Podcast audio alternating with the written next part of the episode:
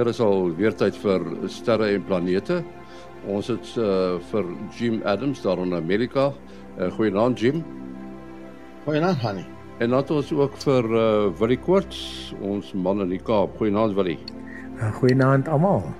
Ons wil uh, in die program gesels oor 'n uh, baie interessante projek and uh, Jim you you must sort of uh, tell us what it's all about. It's the DART mission destined to crash into an asteroid to sort of push it a bit off course. Could you tell us more about that? I certainly can. And, uh, you know, we've talked a lot about asteroids since I've been on with you all. In, in fact, the thing that brought me to South Africa for the very first time in 2013 had to do with asteroids. And so, um, if you look at the night sky, um, the there's lots of objects up there that you can't see. and asteroids are one of them. Eh, or you can see them dimly through properly designed telescopes. And so there are some of them that are pretty far out. They're they're not they don't pose a risk to the earth, but there are several hundred that are con- considered potentially hazardous. That means that we don't see them actually hitting the earth now, but if things were to change um, downstream in 50, 100, 200 years, uh, they could possibly hit the Earth. And so uh, we're keeping track of them. And there's a there's a NASA Space Guard survey that's constantly looking um, for asteroids that could could impact the Earth. There's that uh, new telescope we'll talk about later that's going to be seated at um, Sutherland. That's uh, that's going to look at the sky two three times a night looking for asteroids that might be inbound. Well, it's fine to know they're coming, but then what do you? And um, some of these asteroids are moving pretty fast.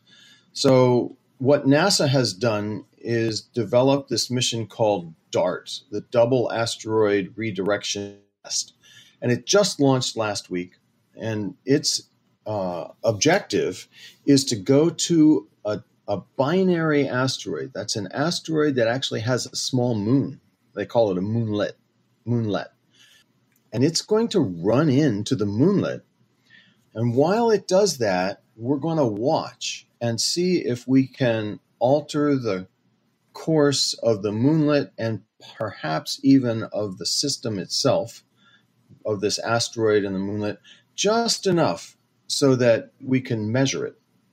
Now, we won't be pushing it away like we would if there was a if there was one inbound towards the earth. But, you know, if we can see an asteroid coming far enough out, years, decades, then and you just give it a little shove, then we can uh, over time it'll move out of the way and instead of hitting the earth it'll just be a close call. And so this is a test not only of the physics associated with DART or associated with um, redirecting asteroids, but it's also a test of the systems that support it, like the the observation of it, the radar systems that go that uh, are monitoring the binary asteroid, the information systems that distribute the information. All of it will be an end to end test to determine whether or not we can successfully hit an asteroid and uh, and push it just enough to be able to um, to redirect it. And it's interesting because they've chosen this little tiny asteroid uh, and its even tinier moon. In some ways, that makes it harder. It's like trying to hit a, a smaller target. Um, if we had a really big asteroid, we could we could hit it really easily. But now you have to be able to hit this asteroid direct on kind of um, exactly where it, you need to. And these things are spinning and they don't have um, smooth surfaces. And so actually hitting the asteroid at the right spot so that you impart enough momentum to move it out of the way is uh, is critical and it's harder on a smaller object. So all of this end to end is a test of the technology and the communications and the sensor systems and the information systems necessary to be able to help us determine what how best to protect the earth if we were ever to see one of these things inbound. A quick question. Uh, uh, so this uh, moonlet is in, in an orbit around the asteroid, and um, do you know relative to its orbit how it's going to push it? Is it going to push it to go faster, to go slower, to go sideways? Generally, what they want to do is try and speed them up. Okay. Going sideways is not going to be very helpful. And and then the second choice would be to slow them down. So mm-hmm. if you speed it up just just enough, then the asteroid will be traveling faster and so the trajectory, the path that it takes over the next year or two will deviate from the course that is project, uh, predicted. And so, of course, if this was an asteroid, um, by the way, the name of this asteroid is Didymos. D- I, I always pronounce it incorrectly. Didymos. If we hit the moon just right, then we can maybe speed it up just a little bit, and the whole system will move just enough so that over the course of years, the trajectory of Didymos would move sufficient for us to say, yeah, we could have moved that size asteroid out of the way. The the, the way uh, the DART uh, object um, deflects the asteroid is it by means of an explosion or is it just pushing? It's just pushing. In fact, they're going to sacrifice the whole spacecraft, which is really interesting. Um, NASA did this years ago with a comet on a mission called Deep Impact, and it had what, what we called a shepherding spacecraft, and then this big, heavy slug. It was like 200 kilograms of tungsten that we pushed in into the side of this comet and then the shepherding spacecraft hung back and looked at what the uh, impact, the ejecta that the impact revealed. The purpose of that mission was really to look at the spectra of the composition of the comet, not so much to see if they could move it out of the way. In this case, this spacecraft, which I'm looking to see if I can find how much it weighs here I think I yeah. had a number of around about 500 kilos. Somebody that explained it. Right. Yeah, somebody explained it quite nicely. It's it's about a golf cart going into one of the pyramids.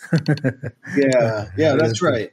But you know, yeah. in space, just a little bit of change in momentum over time um, can can change the course of an entire pyramid. The technology on board the spacecraft is kind of cool too because it's using these roll up solar arrays or roll out. They're called ROSA, roll out solar array. So it they roll it up much like um, a blind for a window, and then once they've um, uh, launched, which they've already done, they deploy these things using um, longerons that extend out and pull the roll up solar array all the way out.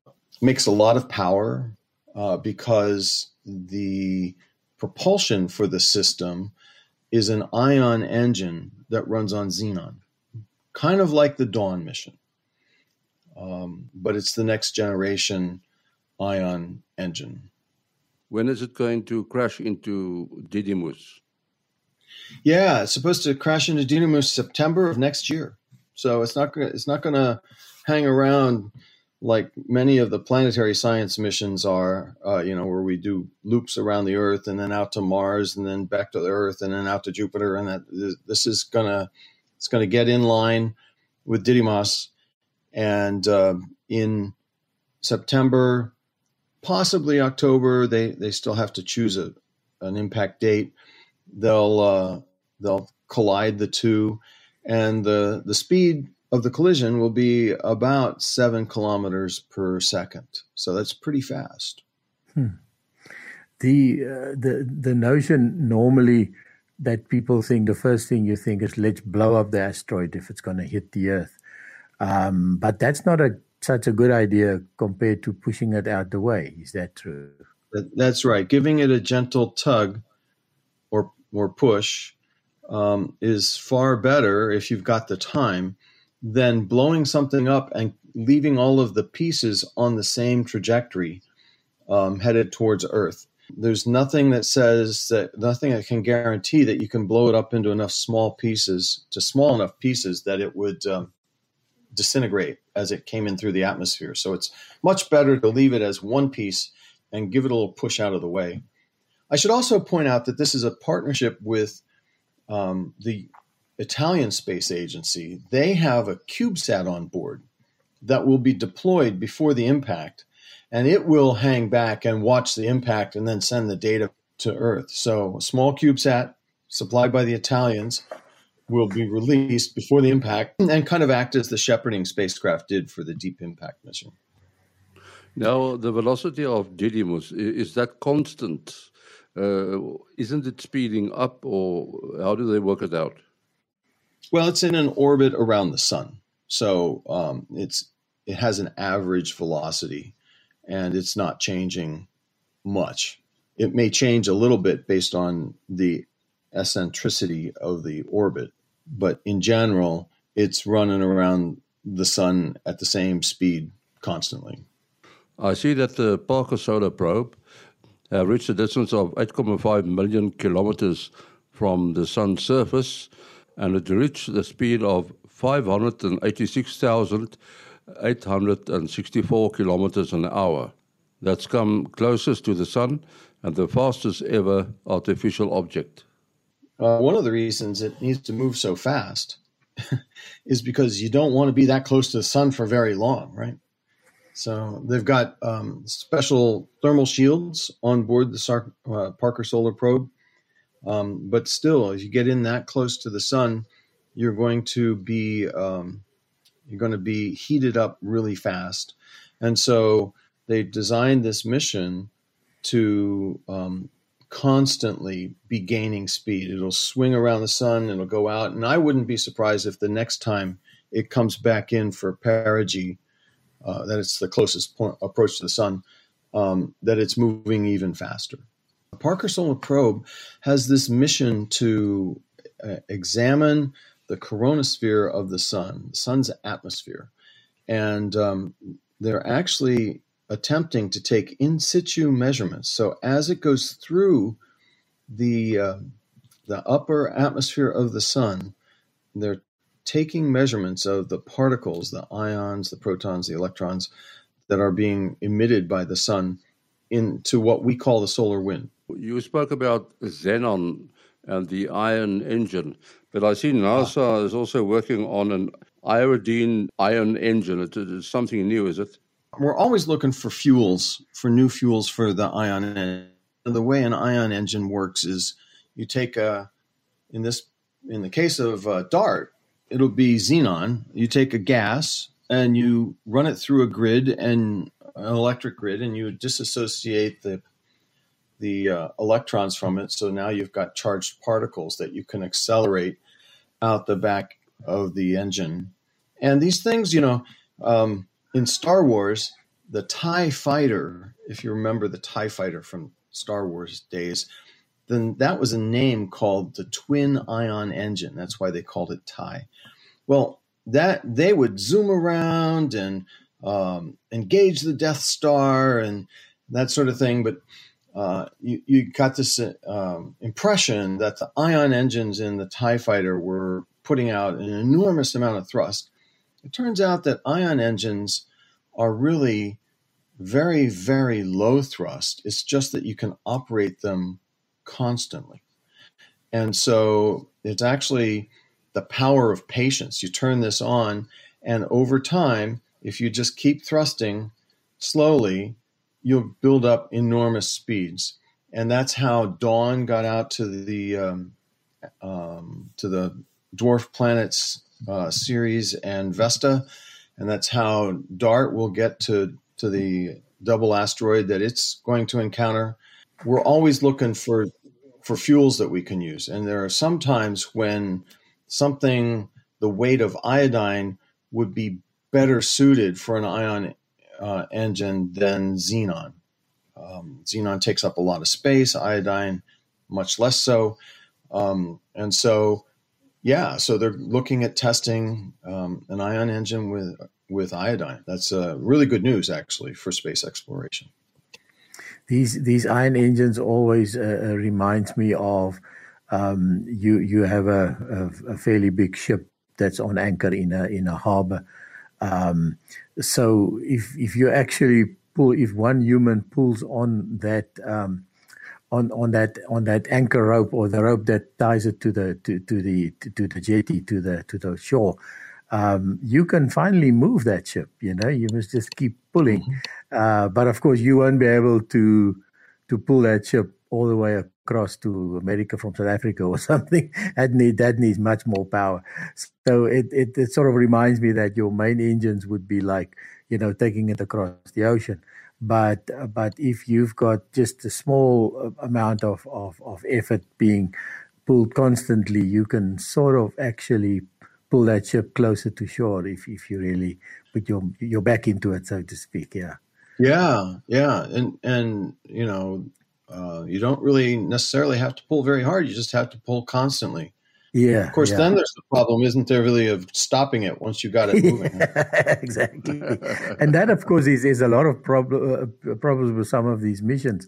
So, like, uh, it sort of reminds me of um, the the the mission to Pluto. Uh, what was the rocket again? Um, um, New Horizons, where yeah. Um, yeah. at the time they said it was the the quickest the, this thing. I think it like something like nine hours flew past the moon or the distance of the moon, where back in the day they took like three days or so. But of course, mm-hmm. the difference is they didn't need to stop and go in orbit around the moon. Uh, they right. were just they were just motoring it out. And the same thing when they reached Pluto, they didn't have to go in orbit; they just flew past. Um, so there, there's a, quite a different uh, mission there. That's right. Yeah, rest assured, there were many scientists that wished they could have stopped and orbited Pluto because it's a fascinating system. But at that stage of the game, there there was not enough fuel left to be able to slow it down. That uh, top spot belongs to Parker Solar Probe, you know, in terms mm-hmm, of fast. Mm-hmm. That's right. That's been overtaken now. I hear that um, that the Atlas telescope is going to get set up, and it's going to help us with looking for asteroids. Yeah, yeah, yes and no. So um, as we record, uh, the the plan was to later this week. So by the time this goes out, it would have been you know last Thursday. Uh, the the the, um, the team would have been here from America, two person team. Um, uh, to, to, install the telescope. About two weeks ago, we installed the mount and uh, the the telescope tube itself but but all the innards and the the, um, the optics, the main mirror, the corrector lens, and then the cameras, and then of course all the computer equipment. That that was planned to be installed um, last week, so to speak, as this program goes out. And uh, uh, um, at this time, it's not clear if it's going to happen because of the uh, new Omicron version of, of Corona uh, with borders being closed and airports and so forth. So, uh, uh, uh and there was another um, project, the, the Japanese Prime Telescope, um, that was also going to be installed during the same week. And we're also installing a new instrument on one of the telescopes. So Sutherland, the hostel, and everything would have been chock a block with people and and people running yeah. over each other. And and um, and uh, at this time, it looks like it's not going to happen. Well, we we still going ahead installing the instrument. Um, so there's there's nothing stopping us doing that. But yeah, so uh, uh, uh on the next program, I'll be able to say did it happen or not. Yes. Tell us more about yeah. the Atlas. So that's the Atlas telescope that brought me to South Africa all those years ago in 2013. I was sent to South Africa to try and uh, help negotiate a, a spot on the plateau in Sutherland for this telescope that now um, looks like it'll be 2022 um, before it's finally set up and operating. But uh, that that was that's already probably delayed almost a year now because of of COVID. Yeah, so there are 2 mm. in the northern hemisphere about 160 kilometers apart at on the Hawaiian Islands. And then on the opposite, exact opposite side of the Earth is, is Sutherland, where the southern, the southern hemisphere, uh, and then there's another one planned in Chile, also in the southern hemisphere. Um, and as Jim said earlier, they will be able to to cover the whole night sky uh, every second day or so, and then just keep going, keep measuring, and and basically spot anything that moves. Um, so the the bigger the biggest the, the bigger asteroids that are that are um, possibly going to hit the Earth are all fairly well known. Their orbits are well known. They're brighter. They're easier to see. But the ones that are that are the smaller ones, but are still dangerous enough, are actually the the the, the difficult ones. Um, you you can only spot them when they are much closer to to us, and um, then you've got a very short uh, warning. So the Atlas telescopes will be able to to spot a, a country killer uh, about we've got about two weeks uh, two weeks notice, um, mm. and then a, a, city killer about a week's notice, uh, or sorry, a, a, like a like a province killer, a county in America about a week, and then a few days for for something that can take out the city. So uh, um, so it, it's still it's still um, still not a lot of warning, but at least we would probably at least know about it. You can take precautions like you would if a hurricane were coming. You you know you know that there's a, a hurricane coming, and so especially along the Florida coast in the United States, we begin to evacuate days ahead of time. Um, these smaller asteroids are less likely. I mean, they won't, like Billy was saying, uh, they won't kill a country. Um, they may not even kill a city. And so uh, the idea would be to know about the small ones well enough in time that we could um, uh, take some action uh, for public defense. Yeah, I, I think back on the 2013 Chelyabinsk event when mm-hmm. the asteroid sort of slipped in and nobody knew about it. Right. Yeah. In fact, the funny thing about that is all of our telescopes were looking the opposite direction for something else that we thought we had seen. And this thing came in uh, from the direction of the sun, and we never even knew it was coming. And the and the danger with that is that um, it came in and it started to break up, and there was this sonic boom that happened. Um, and so people saw the flash of light when it broke up, ran to the windows in the office buildings to see what the light was, and then the sonic boom came and blew out the windows, and that's how people got hurt was from the flying glass, uh, from the pressure of the sonic boom. Right, we, we have to close off there, Jim. People can talk to you via the Facebook group. Absolutely. Love answering questions on the Facebook group. En uh, wil jy jou besonderhede? Ja, telefoonnommer 0724579208. 0724579208. En dan die e-posadres van die program is sterreplanete@gmail.com sterreplanete@gmail.com Volgende week is ons terug. Tot dan, alles van die beste.